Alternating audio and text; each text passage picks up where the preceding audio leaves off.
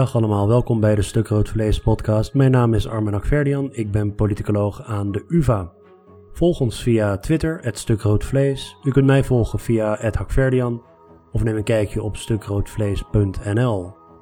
U kunt zich abonneren in allerlei podcast-apps en ehm, laat dan ook een, eh, een rating of een review achter, want we zijn weer helemaal terug van weg geweest. Ik ga in aanloop naar de verkiezingen weer spreken met een hoop interessante collega's over de Nederlandse politiek. Ik ga uiteraard ook weer Engelstalige podcasts opnemen met een uh, hoop internationale collega's. Rob Ford.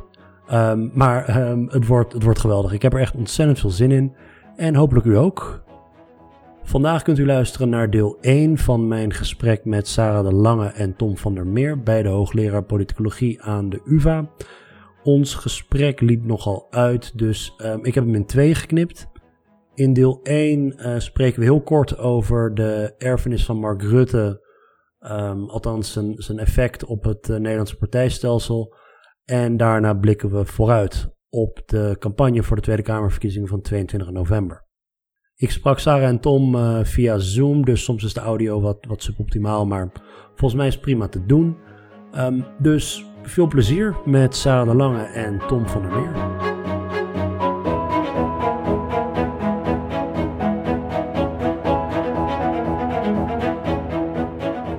Ik zit hier met twee dierbare collega's en vrienden, Tom van der Meer, Sarah de Lange. Fijn om jullie te zien. Tom, welkom. Ja, fijn om weer te zijn. Ja, Sarah, hallo. Ja, uh, eindelijk. We mogen weer. We mogen weer. Ik hoop dat jullie goed uitgerust zijn, want we hebben een verkiezingscampagne voor de boeg. Ik wil toch heel even terugblikken nog op de val van het kabinet. Uh, niet qua reconstructies of, of waarom het kabinet precies is gevallen, maar straks is Mark Rutte, ja, die is nog premier waarschijnlijk tot het voorjaar als er een nieuw kabinet is, daar ergens. 13,5 jaar is hij premier geweest. Wat is wat jullie betreft zijn erfenis? Hoe blikken we terug op die 13,5 jaar premier Mark Rutte? Sarah, mag ik met jou beginnen? Um, ja, ik, ik kijk toch vooral terug op een periode waarin het ideologisch conflict in de Nederlandse politiek nog zwakker is geworden uh, dan het al was. Ik bedoel, het is niet een nieuw fenomeen. Dat was in de jaren negentig met Paars ook al zo toen uh, de Sociaaldemocraten en de Liberalen samenwerkten. Uh, maar dat is in deze periode in het centrum nog, nog versterkt. Uiteraard zijn er de partijen op de flanken die wel uh, ideologisch uh, tegenwerk geven. Maar uh, in het midden veel minder natuurlijk, omdat hij met allerlei verschillende partijen in verschillende combinaties geregeerd heeft de afgelopen jaren. hij heeft geregeerd met PvdA, hij heeft geregeerd met de CDA, met D66, met ChristenUnie. Um, dus tussen die partijen is het conflict de laatste jaren uh, heel onduidelijk geweest. En dat is voor kiezers toch wel heel lastig. Conflict is belangrijk in de politiek om een geïnformeerde uh, beslissing te kunnen nemen over welke partij je steun krijgt. En als tweede denk ik een periode waarin um, wel uh, nieuw beleid is gemaakt maar waarin we ook nog steeds wachten op die grote hervormingen die uh, nodig zijn om onze uh, samenleving toekomstbestendig te maken. Dus uh, ja, het is in ons gefragmenteerde politieke landschap toch heel moeilijk geworden om grote hervormingen erdoor te loodsen. Er zijn altijd wel partijen die moeite hebben met een bepaald uh, beleidspakket dat uh, voor ligt. Dus uh, er wordt altijd aan de pakketten geschaafd. er worden elementen achtergelaten. er worden dingen versoepeld die eerst wel nodig waren. Dus ik denk dat dat ook wel een erfenis is. Tom, heb jij een reactie op een van deze twee punten? Ja, ik, ik ben echt wel van, van Mario met Sarah eens. Als ik, als ik deze periode in ogenschouw neem, dan zie ik ook drie dingen die met elkaar samenhangen. Ten eerste van, van die hele periode tegen de tijd dat Rutte vertrekt, dan, hebben we bijna twaalf jaar aan middenkabinetten achter de rug. We hebben natuurlijk wel eerder ook basiskabinetten gehad, maar twaalf jaar lang van middenkabinetten, dat is echt, echt een lange tijd. En politicologen geven wel vaker aan van ja, als het midden geen alternatieven biedt, dan gaan kiezers wel elders zoeken naar alternatieven. Dus dat gaat echt wel een, een, een erfenis zijn van deze periode. Het tweede is dat, dat zeker in de tweede helft van uh, tijdperk Rutte, om het zo te noemen, zie je ook dat ons partijstelsel is veranderd qua structuur. In ieder geval bij kiezers, maar eigenlijk ook in het parlement. Waar we voorheen twee blokken van partijen hadden, links en rechts. En nieuwe radicaal-rechtse partijen dan ook gewoon bij het rechterblok zaten. Waar kiezers tussen heen en weer tussen VVD en LPF, uh, of tussen uh, CDA en PVV. Geldt nu dat dat rechterblok in twee is gescheurd. En dat heeft te maken, denk ik, met het feit dat de PVV lang gewoon bij het spel is komen te staan na kabinet Rutte 1. Op het moment dat Rutte aangaf, ja, niet meer met de PVV samen. Dus de, kiezers werden opzij geschoven. Die polarisatie tussen die twee blokken nam toe. We zien het in het parlement terug. Uh, en dat is wel waar we nu mee zitten. Met, met een groep kiezers uh, aan de rechterkant van het spectrum. Die ja, niet zomaar meer terug zullen gaan naar centrumrechtse partijen. Uh, dus dat is denk ik een tweede erfenis van deze periode. Of dat gaat beklijven, dat weten we nog niet. Want er zijn nieuwe partijen die opkomen. Die misschien aantrekkelijk kunnen zijn om die boeren aan elkaar te lijnen. Um, en een derde is, dat hangt hier heel erg mee samen, is we hebben een dynamiek gekregen van het midden tegenover de flanken. Dus niet meer een, een, een soort van gestage afwisseling van centrum links, centrum rechts qua regeringen. Maar heel erg de dynamiek van het midden tegen de flanken. Waarbij ja, niet, niet zozeer de visie, maar meer, meer het beleid, technocratie bijna centraal is komen te staan. En, en dan valt hem wel op, want dat sluit weer aan bij wat Sarah net zei, dat de tweede helft van uh, de periode Rutte, zie je eigenlijk dat, dat er heel veel correctie heeft moeten plaatsvinden. Um, in reactie op problemen, tekortkomingen, schandalen van de eerste helft van Rutte. Of het nou gaat om de decentralisatieoperaties, of om uh, de hardere maatregelen rond uh, het belastingtoeslagenschandaal. ja, we zien dus de laatste jaren heel veel gaan over beleid en minder over visie. En natuurlijk kwam corona daardoor heen en dat versterkte dat. Maar ja, de aandacht gaat dus om die tegenstelling tussen midden en flanken en daardoor ook meer ruimte voor ja, controleurs om zichzelf te kunnen onderscheiden. In zekere zin heeft die uh, coronacrisis misschien zelfs een uh, premierschap verlengd nog. Want uh, in, die, in die coronatijd, in het begin ervan in ieder geval, misschien zelfs tot en met de verkiezing van de 21, um, ja, gingen de mensen toch een beetje richting, richting de regering. Het zou kunnen dat zonder coronacrisis hij eerder voorbij zijn houdbaarheidsdatum was geweest. Maar dat weet um, ik ehm, niet zeker. Want um, we hebben het wel vaker gezien bij Balken en de eerder, bij Rutte zelf ook, dat hij tussentijds wel wegzakt, maar op het juiste moment met visie wist, wist door, te, door te pakken. En corona heeft zeker dat effect gehad hoor, dat, dat uh, de steun voor Rutte enorm omhoog ging en daarna daalde en de verkiezingen kwamen voor hem geen moment te laat. Ja. Maar ik denk dat, dat er wel een hypotheek is gelegd door Rutte zelf op zijn eigen kabinet en de houdbaarheid daarvan door in, in 2021 campagne te voeren puur met leiderschap. Hij heeft nooit gehad over wat hij wilde bereiken in die campagne met Nederland. Hij was het eens met links en hij was het eens met rechts. Het belangrijkste was dat het onder zijn leiding moest gebeuren. De hele campagne was met een bordkartonnen pop van hem over de straat gaan. Dat mensen konden zeggen waarom hij zo goed leider was. Maar hij gaf geen richting. En het ging allemaal om leiderschap. Maar ja, als het leiderschap dan faalt, dan, dan is je houdbaarheidsdatum weg. Want dat is je profiel geweest. Ja, uh, de tweede helft van zijn uh, premierschap, zeker de laatste jaren, het uh, toeslagenschandaal ehm, waarop de regering is gevallen en wat nog steeds periodiek in het nieuws komt, omdat het nog steeds niet, niet is opgelost. Groningen natuurlijk. er zijn een aantal van dat soort grote, uiteindelijk uitingen van systeemfalen die aan hem gaan blijven plakken. Hij heeft um, uh, ook, en dit is misschien ook straks als we vooruitblikken op de campagne en op Pieter Omzicht. Uh, dat woord nieuwe bestuurscultuur of oude bestuurscultuur, dat is natuurlijk de hele tijd gevallen. Um, hij is een paar keer echt door het uh, oog van de naald gekropen als het gaat om confrontaties binnen de coalitie en met de Kamer. Als het gaat om zaken als transparantie en eerlijkheid en verantwoording. Um, en het is denk ik geen toeval dat een tegenpol van hem, een Pieter Omzicht, op dit moment zo populair is. Ja, maar misschien is dat ook wel een van zijn erfenissen, dat in, in zijn periode, en zeker in, ook weer in de tweede helft van zijn periode, dat de fractiediscipline binnen de coalitiepartijen dusdanig sterk was, en dat ook het, de, de samenwerking tussen regering en fracties behorende bij de coalitie zo sterk was, dat de Kamer eigenlijk uh, geen tegenwerk heeft kunnen bieden. Uh, en dat ze in, daardoor in haar controlerende rol ook wel zwak was. in de zin dat bij voorbaat vaak duidelijk was dat ook als oppositiepartijen heel kritisch waren over het functioneren van het kabinet en van Rutte in het bijzonder, dat het ook al, snel duidelijk was dat uh, de regeringspartijen niet mee zouden gaan en dat er daardoor geen consequenties volgden voor uh, uh, alle gedragingen van Rutte en andere kabinetsleden. Dus ja, voor de nieuwe, nieuwe periode, als we, nieuw, we krijgen natuurlijk een nieuwe Kamer straks. daarin komen bij uitstek veel onervaren Kamerleden waarschijnlijk, omdat we inmiddels al weten dat heel veel huidige Kamerleden niet doorgaan. Ja, dan is het risico heel groot dat die ontwikkeling zich doorzet. En dat die Tweede Kamer nog steeds haar controlerende rol niet uh, goed invult. Maken jullie zorgen om die, uh, die golf aan vertrekkende Kamerleden?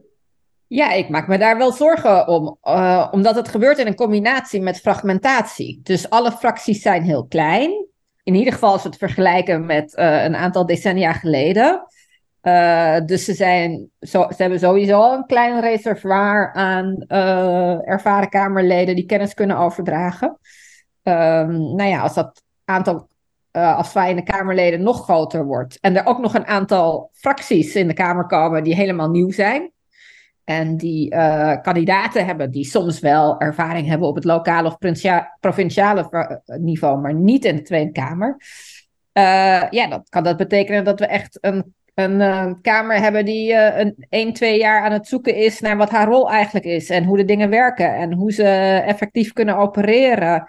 en hoe ze zich kunnen inlezen en inwerken in de grote dossiers die er liggen. Dus je hebt eigenlijk drie ontwikkelingen die dezelfde kant op gaan nu de veranderlijkheid van kiezers zorgt ervoor dat, dat, dat de samenstelling in, in de Tweede Kamer verandert, waardoor er vaker ja, nieuwe uh, parlementariërs de Kamer inkomen. Daarnaast zien we nu de opkomst, de forse opkomst en groei van nieuwe en relatief nieuwe partijen. In de peilingen in elk geval. En als derde dus dat, dat bestaande meer, min of meer senior Kamerleden uh, aangeven dat ze ermee stoppen. En in die combinatie, nou, dat werkt alle drie dezelfde kant op naar een minder ervaren Kamer. En ja, het is ook een vicieuze... mogelijk, hè? Je, je ziet het in, in, in gedrag uh, waar, waar, waar, waar omzicht voor zegt te staan. Uh, het feit dat, dat omzicht en, en Van de Plas aangeven bij onze plek is sowieso in de Kamer. Dat werkt daar dan, dan tegenin. Maar je kan ook naar institutionele kanten kijken, waar al langer voor wordt gepleit, onder meer bijvoorbeeld door Simon Otjes, uh, maar ook door de Staatscommissie Parlementair Stelsel, is versterkt dat, dat, dat commissiestelsel dat is als, als uh, de, langs fractielijnen veel um, nieuwe Kamerleden in zitten en de fracties zelf ook nieuw zijn en veranderlijk zijn en kleiner zijn, en dan kan je het commissiestelsel versterken om langs die lijnen een steviger controlerende macht, institutioneel geheugen en, en ondersteuning aan te bieden. Ja, en het lastige is ook dat het gewoon een vicieuze cirkel is. Want we hebben minder ervaren Kamerleden die meer werkdruk ervaren omdat veel van het werk nieuw is en het moeilijker is dus om met z'n allen de werklast te delen. En nou ja, doordat de werklast hoger is, vallen Kamerleden eerder uit en besluiten ze eerder om te stoppen met hun uh, Kamerwerk. Waardoor er weer meer onervaren Kamerleden in de Kamer komen.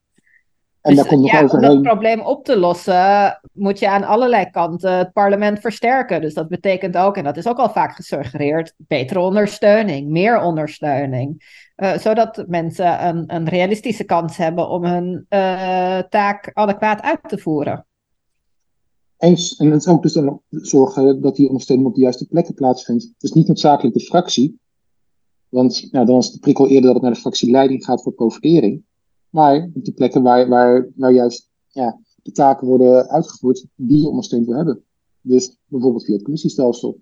Er komt nog een probleem overheen bij wat Sarah zegt. Ja, als er meer nieuwe partijen bij komen.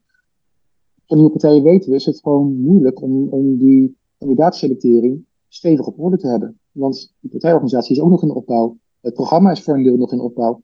We hebben de laatste twintig jaar gezien dat afsplitsingen bovenmatig vaak voorkomen. Afsplitsingen in de Tweede Kamer ja, bij nieuwe partijen. Niet alleen maar, voor alle duidelijkheid, maar daar gebeurt het vaker. Dan krijg je weer meer eenpitters die nog meer moeite hebben um, om, om alle dossiers bij te houden. Maar ook afgelopen kabinetsperiodes meermalen over geklaagd is. Ja, dit is een goed, uh, goede springplank, denk ik, om even vooruit te blikken. Want um, we krijgen verkiezingen op 22 november. Allereerst maar eens de vraag, inhoudelijk gezien, waar gaan de verkiezingen over? Welke thema's? Wat, wat zijn de conflictlijnen? Wat, wat kunnen we verwachten? Je vertelt dat wij een kristallenbol hebben, Armen. Schets een paar scenario's. Ja, het interessante aan deze verkiezingen is denk ik dat uh, de conflictlijnen nog niet duidelijk zijn. Het is uh, nog niet duidelijk over welke grote thema's de verkiezingen gaan. Uh, en welke thema's partijen zullen gebruiken om zichzelf in de campagne te profileren. Natuurlijk kunnen we wel over een aantal partijen hebben we een iets intuïtie. voor BBB zal ongetwijfeld stikstof belangrijk zijn. En voor de alliantie van GroenLinks en PvdA onder andere klimaat. Maar hoe zich dat uitkristalliseert in een politieke tegenstelling tussen welke groepen partijen en rond welke thema's, want laten we wel zijn, er zijn heel veel thema's waarop op dit moment campagne gevoerd zou kunnen worden gegeven de maatschappelijke problematiek. Uh, dat kan klimaat zijn, want dat is heel actueel. Dat kan het woningtekort zijn, want dat is heel actueel. Uh, en zo kunnen we nog een, een, een vrij forse lijst maken.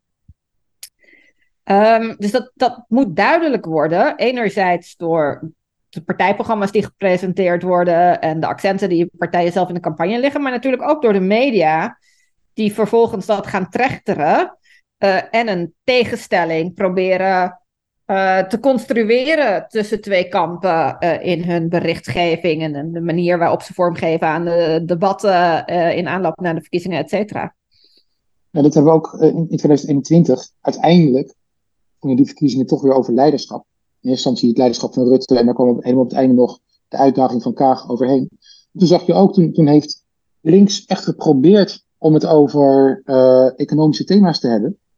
Maar Rutte, zelfs in de verkiezingsdebatten, die weigerde te happen als tegenhanger. En die zei van ja, we zijn het eens. Dan moeten we het samen oplossen. En CDA van de Hoekstra, die ging dat debat niet aan met links. En vanuit de rechterkant werd, werd gezocht op asiel. Maar ook daar zag je weer dezelfde reactie. Namelijk dat, dat de, de, de gezochte tegenpol, de VVD, aangaf: ja, maar we zijn het eens. Dus opnieuw geen conflict over, langs die lijnen. Dus er zijn heel veel partijen die gaan nu proberen hun eigen thema's of tegenstellingen centraal te zetten.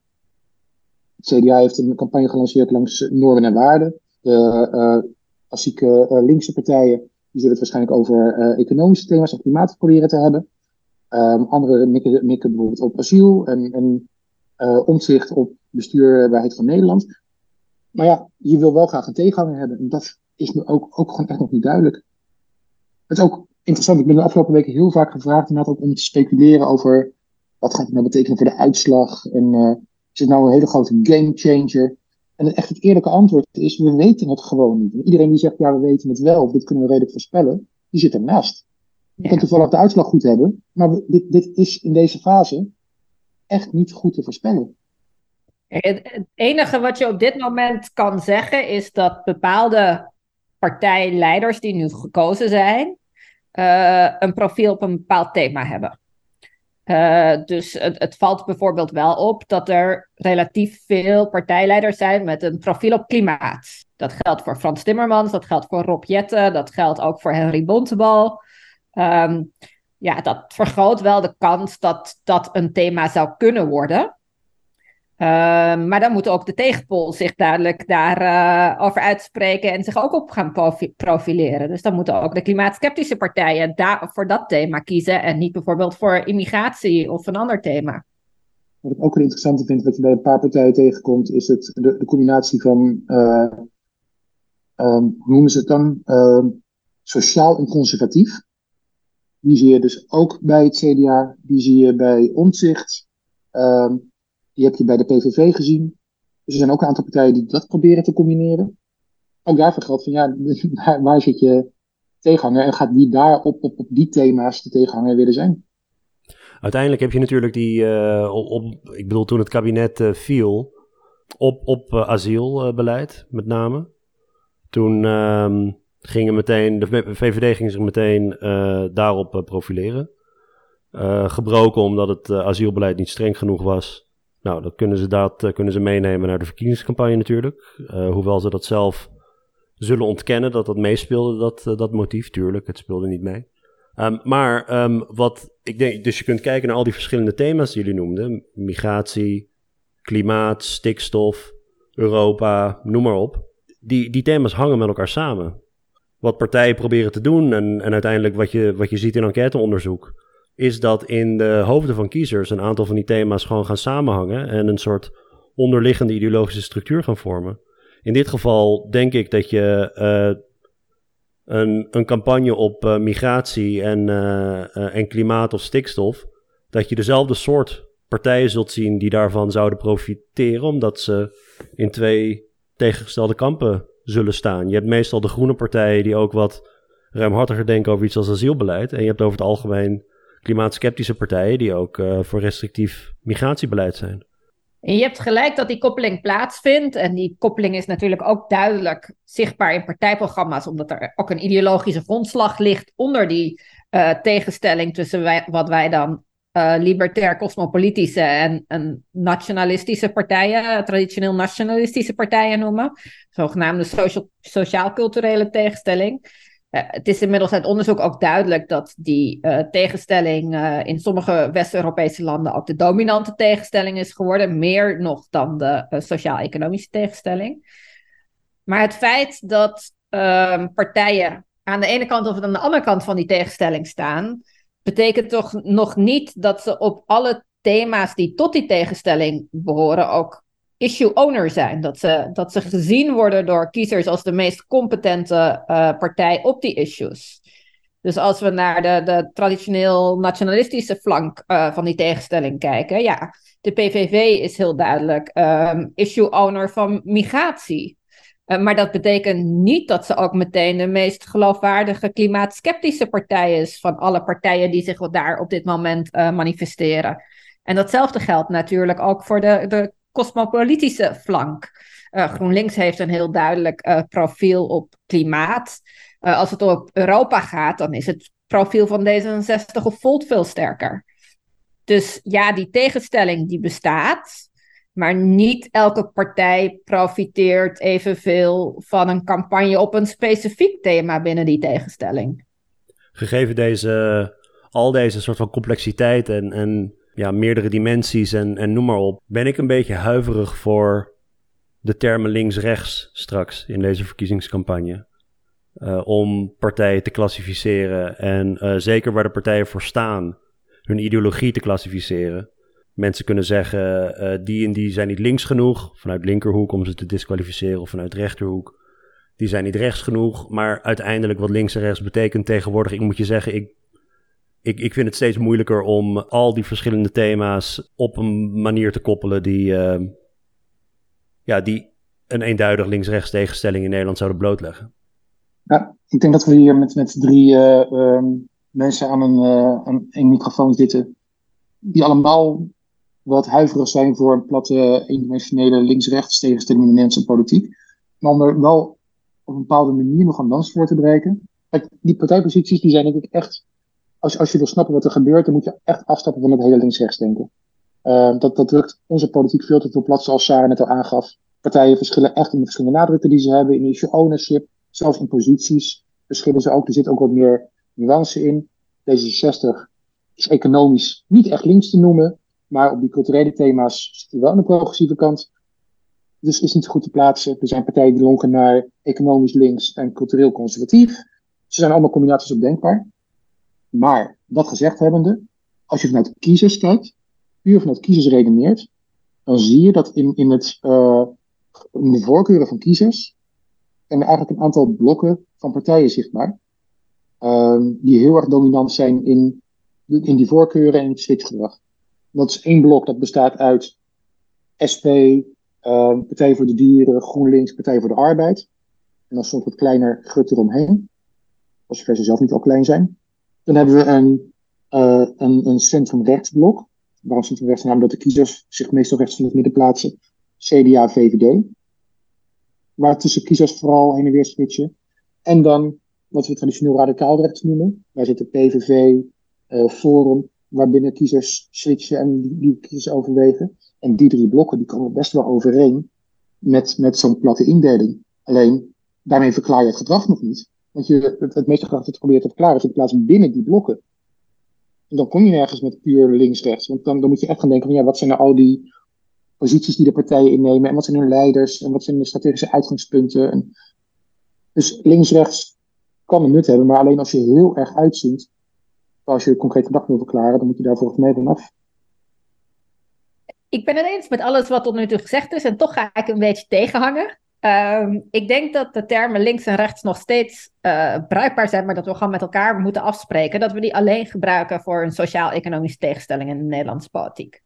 Waarbij links gewoon heel duidelijk staat voor uh, partijen die um, een sterke welvaartsstaat willen en meer staatsinterventie uh, door middel en redistributie door middel van belastingheffing. En waarbij rechts staat voor partijen die een kleine overheid willen en veel marktwerking. Uh, als we dat als links-rechts uh, hanteren, dan hebben we heel duidelijk linkse partijen, uh, SP, GroenLinks en de PvdA samen aan de ene kant en heel duidelijk rechtse partijen aan de andere kant. VVD, D66 tot op zekere hoogte. En we hebben inmiddels een vrij stevige groep partijen die zich in het midden bevinden in zoverre dat ze linkse en rechtse elementen met elkaar combineren die wel voor een uh, sterke welvaartsstaat zijn. Um, maar vooral voor mensen die bijgedragen hebben uh, aan de samenleving. Um, en die tegelijkertijd economisch en financieel toch vrij liberaal beleid uh, voorstaan. En dat geldt voor de PvdA. Maar voor zover we nu zicht hebben, bijvoorbeeld op het programma van, van Pieter Omtzigt, geldt dat ook voor hem. Uh, een combinatie van sociaal-economische standpunten die enerzijds sociaal links en anderzijds financieel-economisch rechts zijn. Um, en die in de uitvoering niet altijd even makkelijk met elkaar te combineren zijn. Daar even tegen in te gaan. Het is misschien te nederig voor onze luisteraars hoor, maar um, er is recent een heel mooi paper verschenen onder meer van onze uh, oud-collega Jos Elking over hoe mensen links en rechts begrijpen. En dan zie je dat er een enorme diversiteit is aan hoe mensen dat zelf invullen. Um, dus ik ben voor, voor de interpretatie die Sarah geeft. Als ik links en rechts gebruik um, voor uh, partijposities, dan probeer ik echt meestal te gebruiken op een economisch, sociaal-economisch gebied. Ik ook met de interpretatie eens. Maar kiezers gebruiken het op heel veel verschillende manieren. Kiezers zijn het onderling ook echt niet over eens wat links en rechts zijn. Of waar partijen staan van links naar rechts. Zelfs niet waar de grote partijen staan van links naar rechts. In die zin, als we vertrekken vanuit de belevenis van, van individuen, zijn het echt heel, heel lastige termen om te gebruiken. Maar als we het gebruiken, ja, dan ben ik het wel met Sarah eens. Als we het gebruiken voor individueel, individuele posities van partijen, dan is het vooral nuttig om het economisch te gebruiken. Ja, ik ben. Uh, uh, ik, ik bedoel, er is een soort. Er is een afweging die je moet maken. Uh, uiteindelijk snap ik dat wanneer je over politiek praat. En op het moment dat je als partij jezelf wil profileren, of als je als burger uh, besluit wil maken over stemkeuze, of als journalist iets wil duiden, of noem maar op. Je kunt niet bij iedere actor twintig beleidsterreinen afgaan en zeggen: dit is waar actor A voor staat, dit is waar B voor staat, C voor staat. Op de een of andere manier probeer je te simplificeren en te klassificeren. En links-rechts is een enorm krachtige, simpele klassificatie de afweging die we moeten maken is in hoeverre um, weegt de simplificatie op tegen um, ja, uiteindelijk het nuanceverlies dat je leidt. Uh, ik denk dat we een punt zijn gepasseerd dat dat voor kiezers alleen maar ook verwarrend gaat werken. Juist omdat het zo meerdimensionaal is en omdat mensen onder links of rechts andere dingen uh, verstaan. Onze collega Roderick Rekker en later ook anderen in, uh, in vergelijkende context, die hebben ook laten zien dat tussen generaties, mensen met 20 jaar leeftijdsverschil. Uh, dat daar ontzettend andere voorstellingen van links en rechts bestaan, wat die zijn. De huidige generatie Gen Z en millennials, voor hun is, is links-rechts een, een, een, dimensie die gaat over uh, de, thema's die Sarah noemde rondom um, uh, internationaal, nationaal, groen, noem maar op.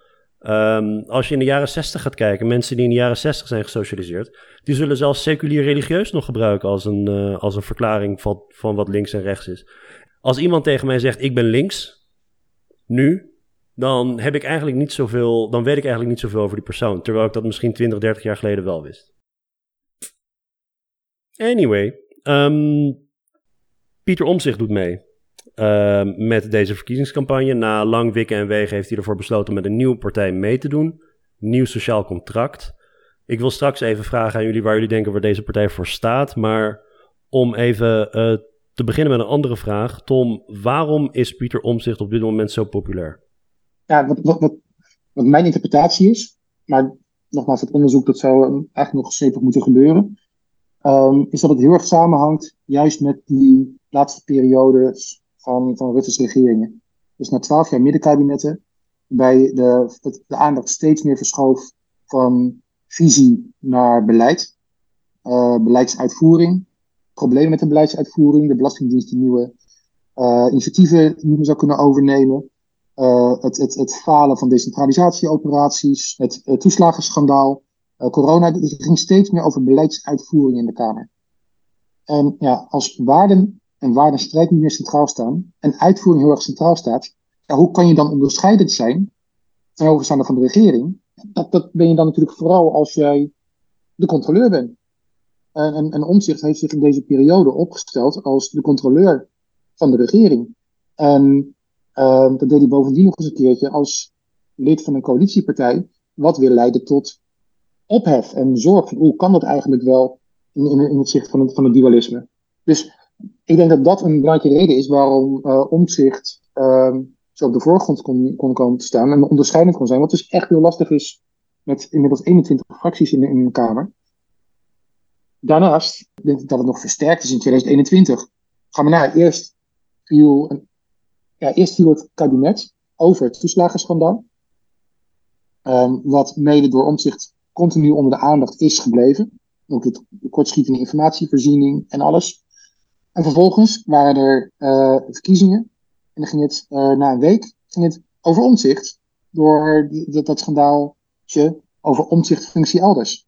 Maar dat schandaaltje, dat, dat bleef wekenlang, maandenlang hangen.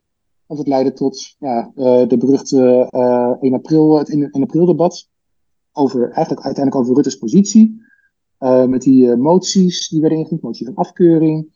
Um, vervolgens een half jaar lang dat de middenpartijen alleen maar bezig zijn met navelstaren. Wie mag met wie om de tafel zitten. Om te praten over het formeren van een mogelijke coalitie. Dus nog steeds geen waarde, ideeën enzovoort. En vervolgens ging dezelfde coalitie verder. Ja, ik denk dat in die hele combinatie het niet gek is dat iemand als omzicht onderscheidend was. Rutte heeft hem ook ontzettend veel geloofwaardigheid gegeven als een soort van tegenhanger door dat hele functie elders. Uh, dat in alle schandalen rondom de transparantie van, uh, van, van Mark Rutte en de eerlijkheid, dat de persoon omzicht ineens daar een sleutelrol in ging spelen. Hij werd een soort, soort van de belichaming van van alles wat fout was aan Rutte, werd Pieter Omzicht. Nog even los van alle inhoudelijke standpunten die hij heeft en ook de, de aantrekkingskracht die hij heeft in de regio, buiten de Randstad en allemaal dat soort dingen, maar daar puur daarop, op die bestuurscultuur en op die tegenmacht, um, heeft Rutte hem ook bijna gekroond. Ja, nou, hij is in zekere zin uh, geslachtofferd. Um, maar, maar, maar daardoor werd hij inderdaad gekroond. Want ja, boven dat hele debat bleef hangen van ja, maar wat zou Pieter Omtzigt hiervan vinden? En dat bleef ook in de maanden daarna hangen. Dus ja, het, het, juist door die actie werd bevestigd dat dit een hele relevante tegenhanger was. Ik denk dat er nog een aanvullende reden is. En, uh, en die zit hem eigenlijk in de vraag: wat zou Pieter Omtzigt hiervan uh, vinden? In deze fase, uh, nu er nog geen concreet verkiezingsprogramma ligt, kunnen kiezers ook nog heel veel op hem projecteren. En dat doet me in dat opzicht een beetje denken aan de tijd van Pim Fortuyn. Het zijn natuurlijk qua stijl heel andere politici. Maar ook bij uh, Pim Fortuyn zag je dat, ondanks dat hij al een hele reeks boeken had geschreven over zijn ideeën uh, en dergelijke, dat het voor kiezers toch heel makkelijk was om een beetje aan pick and choose te doen en hun eigen beeld te creëren van waar Pim Fortuyn precies voor stond. Um, en dat uh, als reden voor hun steun voor hem te zien. we hebben in de tijd interviews gedaan met, alle, met een aantal van de kandidaten voor zijn partij, die ook in de Tweede Kamer zijn verkozen toen. En zij hadden ook allemaal een andere interpretatie van waar Pim Fortuyn als persoon, als leider van deze nieuwe beweging voor stond. En ik denk dat dat bij Pieter Omtzigt ook een beetje het geval is. In zoverre dat er ligt natuurlijk een boek van hem, maar dat is toch ook redelijk abstract. Uh, ideologisch uh, van aard. We weten hoe die over een aantal uh, zaken denkt vanwege zijn kamerwerk. Maar de meeste kiezers die pluizen natuurlijk niet zijn verdere stemgedrag op alle politieke thema's uit. Dus ze kunnen op dit moment nog heel veel op hem projecteren en ervan uitgaan dat hij staat voor de standpunten die kiezers zelf al hebben. En naarmate het partijprogramma concreter zal worden, zal dat betekenen dat sommige kiezers zich realiseren dat ze toch niet zoveel overeenkomsten met uh, zijn gedachtegoed hebben. Wat dan natuurlijk heel belangrijk is, is wat, waar we het eerder over hadden, welke tegenstellingen gaan centraal staan, waar worden de kiezers over geïnformeerd? En, en wat voor informatie bereikt de kiezers over welke standpunten van, van deze partijen, met name ook van omzicht, waarover kiezers misschien nog niet zo heel veel informatie hebben. Ik wilde toch even maar vragen... Nog, nog, nog even, nog even hier blijven hangen. Um, de, de, de, afgelopen week is dus heel vaak weer, weer een, een aantal rondgegaan van uh, het kan wel eens 46 zetels halen. Um, en het is dan vaak een werkelijkheid op zichzelf, zo'n zo hoge peiling. Want allereerst, is wat Sarah net zei, mensen kunnen nog allemaal hun eigen projecties maken op waar die partij voor staat en wat die is. Het ging ook om een hypothetische partij die nog helemaal niet bestond. En dit hebben we ook wel vaker gezien niet alleen bij Fortuyn, maar ook bijvoorbeeld bij Trots op Nederland van Rita Verdonk, waar iedereen zijn eigen opvattingen over kon ophangen. Nou ja, in de peilingen schoot die partij van, van niks naar 30 zetels en vervolgens de rechterzakken nog voor de volgende verkiezingen. Uh, de PvdA GroenLinks combinatie, die werd uh, in 2019 werd die ook uh, gepeld van ja, die zou wel 35 tot 40 zetels kunnen halen. Ja, inmiddels hebben mensen ervaring met wat een concrete samenwerking tussen die twee partijen betekent. En inmiddels is ook een partijleider. En dan zie je in de peilingen van ja, nog steeds zit er in dit geval wel een bonus. In ieder geval voor nu. Maar dat zijn niet de aantallen die toen waren geteld. Dus zoiets, zo'n hypothetische situatie met ook heel vaak een soort van stempotentie. En daar gaat nu nog de dynamiek overheen komen van de komende tijd. Mensen willen graag een nieuwe bestuurscultuur, maar anders dan bijvoorbeeld Fortuyn in 2002, is het nu niet heel erg evident tegen wie omzicht zich makkelijk kan afzetten in een campagne. Kijk, Rutte is gestopt. Dat was de natuurlijke tegenhanger van Omzicht geweest. Maar die heeft hij nu niet. Terwijl in 2002 had je ook, zat ook zo'n element in van de uitdager buiten het systeem tegen het systeem. Maar toen zat inderdaad Melkert en Dijkstal namens uh, eh, eh, PvdA en VVD er als lijsttrekkers. Dus dat was een logische tegenhanger. Dit sluit voor aan bij wat Sarah eerder al zei. Heel belangrijk gaat zijn in, in, in deze verkiezingscampagne. Wat wordt nou een dominante tegenstelling? Dus daar gaat ook het succes van deze nieuwe partijen van afhangen. Wat voor soort inhoudelijk programma en profiel heeft Pieter Omzicht op dit moment? Op basis van informatie die jullie hebben, hoe zou je zijn ideologie of standpunten duiden? En op basis waarvan? Dat is nog niet zo'n makkelijke vraag. Want als je kijkt naar het beginselprogramma dat nu is neergelegd, dan staan daar toch wat andere accenten in dan als je bijvoorbeeld kijkt naar het stemgedrag van Pieter Omzicht in de Kamer in de afgelopen jaren. Het stemgedrag dat komt in de buurt van dat van bijvoorbeeld de SGP. Het is uh, sociaal-economisch rechts, toch wel. En uh, ook behoorlijk conservatief. Uh, als je nu kijkt naar het beginselprogramma, dan, dan heeft hij het toch over sociaal uh, conservatisme. En dan zitten er ook wat linkse elementen in. Wat mij vooral opvalt, ehm, is dat in dat beginselprogramma geeft hij eigenlijk, geeft eigenlijk aan zijn een paar speerpunten. Uh, het eerste speerpunt, dat gaat dan over het bestuur.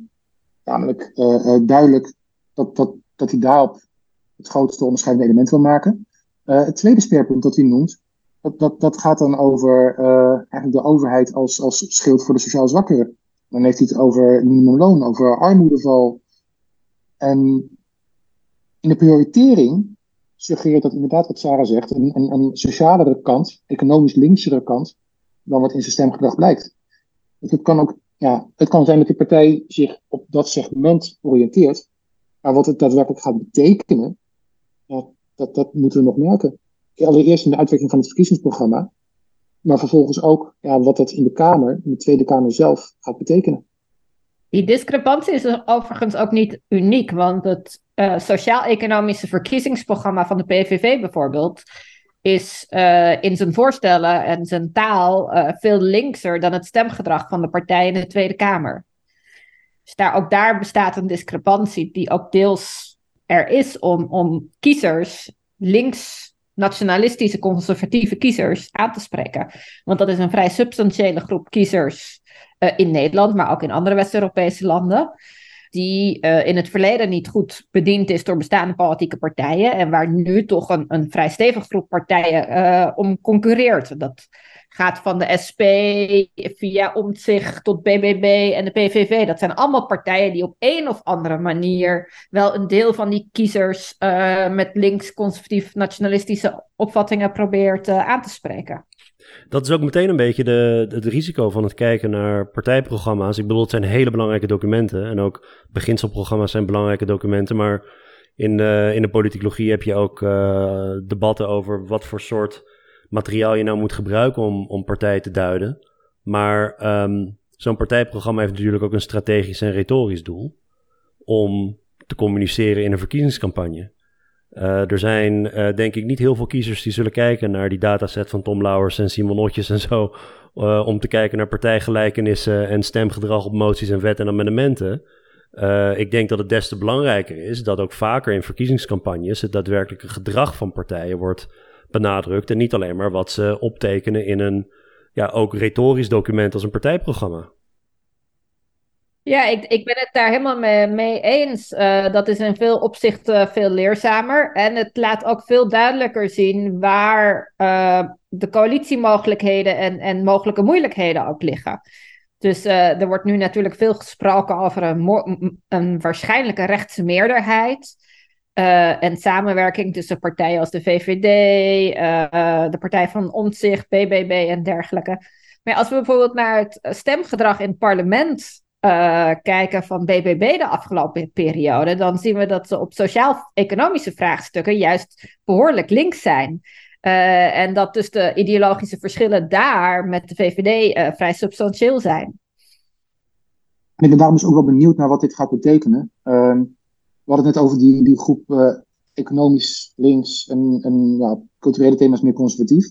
Die zoals Sarah zei, eigenlijk niet één evidente partij waarop ze kunnen stemmen. Um, we hebben de laatste tien jaar gezien dat zowel de SP als de PVV probeert te lonken naar die groep kiezers, maar die hebben er ook wel moeite mee om daar helemaal uit te komen. Want ze hebben ook een, een achterban die juist niet in die hoek zit. Dus als een partij probeert te schuiven, een bestaande partij probeert te schuiven die hoek in, dan dreigen ze een ander deel van de achterban van zich te vervreemden.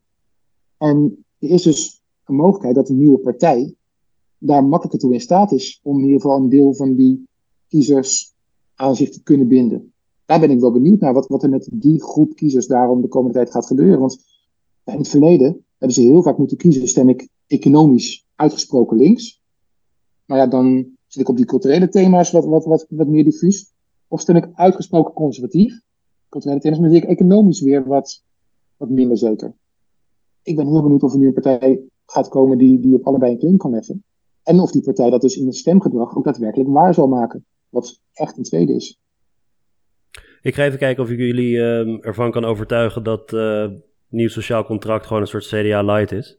Als ik kijk naar de uh, personen om Pieter Omtzigt heen, nu op dit moment, zijn, zijn kernteam, uh, zijn de meeste daarvan oud-CDA-kamerleden of op de een of andere manier betrokken geweest met de, sociaal, met de christendemocratie.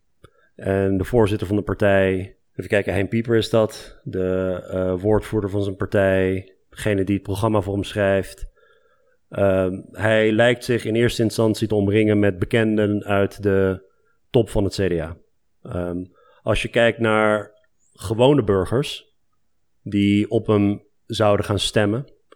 Dus als je kijkt naar het enquêteonderzoek, uh, waarbij uh, onderzoekers vragen welke partij zou je stemmen op dit moment, waar de ene keer omzicht wel in zit en de andere keer niet. En dan kun je kijken vanuit de kosten van welke partij gaat het. Dan um, zie je dat Pieter Omzicht wel over de hele politieke spectrum uh, aantrekkingskracht heeft. Maar met name toch dat blok dat jij noemde, Tom. Um, rechts van het midden, BBB, CDA, VVD. Um, ehm, BBB zelf is in grote mate het CDA aan het leegsnoepen. Met name de agrarische stem buiten de Randstad. Pieter Omzicht die is dat uh, op dit moment aan het uh, op, oppeuzelen. Heeft ook een grote regionale focus in het verleden gehad. Zijn populariteit vanuit, uh, vanuit de regio, als je kijkt naar waar zijn voorkeurstemmen vandaan kwamen. Um, dus dat één. Um, Mag je wel één, één, ding aan, één ding aanvullen hierbij? Ik ben een heel pleidooi aan het houden. Nee, ga je gang. als je, als je kijkt waar de kiezers vandaan komen, dan, dan zitten al die peilingen, er zijn, ik heb in ieder geval drie van de grote peilingen hierover gezien, dan is de, de twee partijen waarvoor het heel consistent is, dat, dat die last gaan ondervinden, zijn dat de BBB en de PVV. Andere partijen, daar gaat de VVD, zelfs het CDA, wat in alle peilingen toch al een relatief kleine partij is, dus ja. Het CDA heeft nowhere to go. Maar, maar wat minder, maar uh, de uh, NSC zou vooral vanuit wat nu overweegt BBB te stemmen en wat nu overweegt PVV te stemmen, daaruit de meeste winst pakken. Wat overigens niet uitsluit dat het kiezers zijn die bij eerdere verkiezingen al het CDA verlaten hebben voor deze partijen. En Zeker. nu een overstap overwegen naar Ja. Precies. Want de bulk van de CDA-kiezers is al in 2010 en 2012 vertrokken. Nee, zeker. En dan heb je dus, de tweede punt zijn, die, eh, zijn, zijn dus, eh, is wat Pieter Omtzigt in de Kamer allemaal heeft gedaan. Ik vind het daar opvallend dat hij bijna op alle beleidsterreinen verreweg het minste overeenkomst heeft met radicaal rechts. Hij heeft zelf ook gezegd dat hij, als het gaat om coalitie, eh, samenwerking, dat hij eigenlijk niet met Forum en PVV gaat samenwerken. Ehm, hij heeft veel overeenkomsten met BBB en SGP. Het feit dat hij met ChristenUnie en CDA niet zoveel overlap heeft, is puur een coalitie-oppositie eh, punt. Ik denk dat als het CDA in oppositie had gezeten, dat opzicht. eh, misschien was hij niet eens afgescheiden in dat geval, maar goed. Eh, hij zou denk ik ook eh, dicht in de buurt komen van de ChristenUnie. Maar ChristenUnie is nou eenmaal een, eh, een coalitiepartij. En in al die analyses van Tom en Simon zie je dat coalitie-oppositie een enorme tegenstelling is. Maar in dat stemgedrag van Pieter Omzicht zie je op bijna alle deelterreinen dat hij met BBB en SGP veel overlap heeft. In iets mindere mate met de linkse partij in de coalitie. Dat hangt er een beetje van het beleidsterrein af. En totaal niet met radicaal rechts. Ehm, en uiteindelijk ook zijn, eh, zijn uitingen in dat beginselprogramma en ehm, eh, uit zijn boek. Hij heeft ook niet voor niets meegeschreven met het partijprogramma van het CDA. Hij kent die programma's van het CDA goed. Eh, er zitten onderdelen van het CDA-programma zitten gewoon in zijn beginselprogramma. Er is ook helemaal niks mis mee. Het is een goed recht. Maar we krijgen hier uiteindelijk, denk ik, te maken met een partij die zich ideologisch een beetje zal profileren als een, ehm, ja, toch een, een, een christendemocratische kloon. En dan heb je uiteindelijk, heb je, als je een beetje uitzoomt, heb je drie verschillende partijen, BBB, CDA en eh, Nieuw Sociaal Contract, die in zeg maar, de lange historische ontwikkeling van de christendemocratie een beetje drie verschillende pijlers daarvan misschien kunnen dekken. Mag ik dit? eh, Ik, ik ben het grotendeels met je eens, maar ik wil het op één punt toch een beetje eh, nuanceren. Ja, hij sluit eh, PVV en Forum voor Democratie uit. Eh, dat betekent niet dat hij geen enkele eh, overeenkomst of affiniteit heeft met sommige van de ideeën die daar populair zijn. Ehm, hij is gewoon heel rechtsstatelijk en daarom sluit hij die partijen uit. Uh, maar als je kijkt naar zijn standpunten over immigratie, um, hij heeft ook zich in het verleden uitgesproken tegen woke, uh, met name ook op de universiteiten. Als je kijkt wat zijn ideeën zijn over uh, transgender burgers, et cetera, dan zijn daar toch ook wel overeenkomsten met populistisch radicaal rechts. Ja, maar ook met hele grote flanken van het CDA. Jazeker, maar dat is een gevolg van uh, de mainstreaming van radicaal rechts gedachtegoed bij gevestigd rechtse partijen en niet het gevolg van een, een klassiek christendemocratisch gedachtegoed. Daar komen die standpunten niet uit voort. En mijn antwoord op je vraag, Armen, van, van of ik hierdoor overtuigd ben. Je gezicht verraadt okay. anders. Nou, allereerst, het is te vroeg om, om dat te zeggen. Er zit echt gewoon nog, ook hierop gewoon veel onzekerheid. Ik, ik, we moeten eerst gewoon het partijprogramma zien en daarna het stemgedrag zien. Bovendien, een deel van de argumenten die je aanhaalt, gaan over omzicht en niet over zijn partij. En natuurlijk, het is speculeren in hoeverre uh, het een hetzelfde gaat worden als het ander, maar ja, dat weten we nog niet. Maar interessant vind ik, het CDA heeft traditioneel verschillende flanken. Dat zag je bijvoorbeeld in 2010 rond die coalitie uh, met gedoogsteun van de PVV, zag je dat heel stevig op de voorgrond komen. Dat er een, een, een ja, laten we het ook maar sociaal-conservatieve flank noemen, die vanuit bepaalde principes niet wilde gaan samenwerken met, met de PVV. Je zag het zelfs al in 2002, toen Balkenende opkwam. En Balkenende kwam op met een soort van ja, Bush, Amerikaanse president, noemde het compassionate conservatism. In Europa noemen het vaak communitarisme. Maar het idee dat de overheid een schild moest zijn voor de zwakkeren, maar alleen maar moest optreden als de gemeenschap het liet zitten. Dat is echt wel wat anders dan wat Omtzigt nu stelt. Maar met die boodschap was Balken in 2002 in staat om echt een deel van de linkse kiezers naar zich toe te trekken. Die ja, wegliepen bij met name de PvdA. Om ze vervolgens in 2003 weer te verliezen. Toen bleek dat ja, de invulling van, van uh, Balkens, Balkenen's idee van het sociaal conservatisme toch niet zo links was als, als dat mensen hadden gehoopt. Dus gingen de kiezers weer terug naar de PvdA. En trok de, het CDA de LPF vervolgens leeg. Maar dit hebben we wel vaker gezien. Ja, en of het dus een CDA-kloon is. Ik denk je binnen het CDA de afgelopen twintig jaar wel meerdere richtingen kan aanwijzen die aan het een of aan het andere appelleren.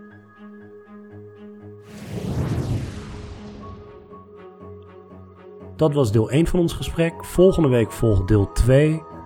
Het voelt ontzettend goed om weer terug te zijn. Bedankt voor het luisteren en tot de volgende keer.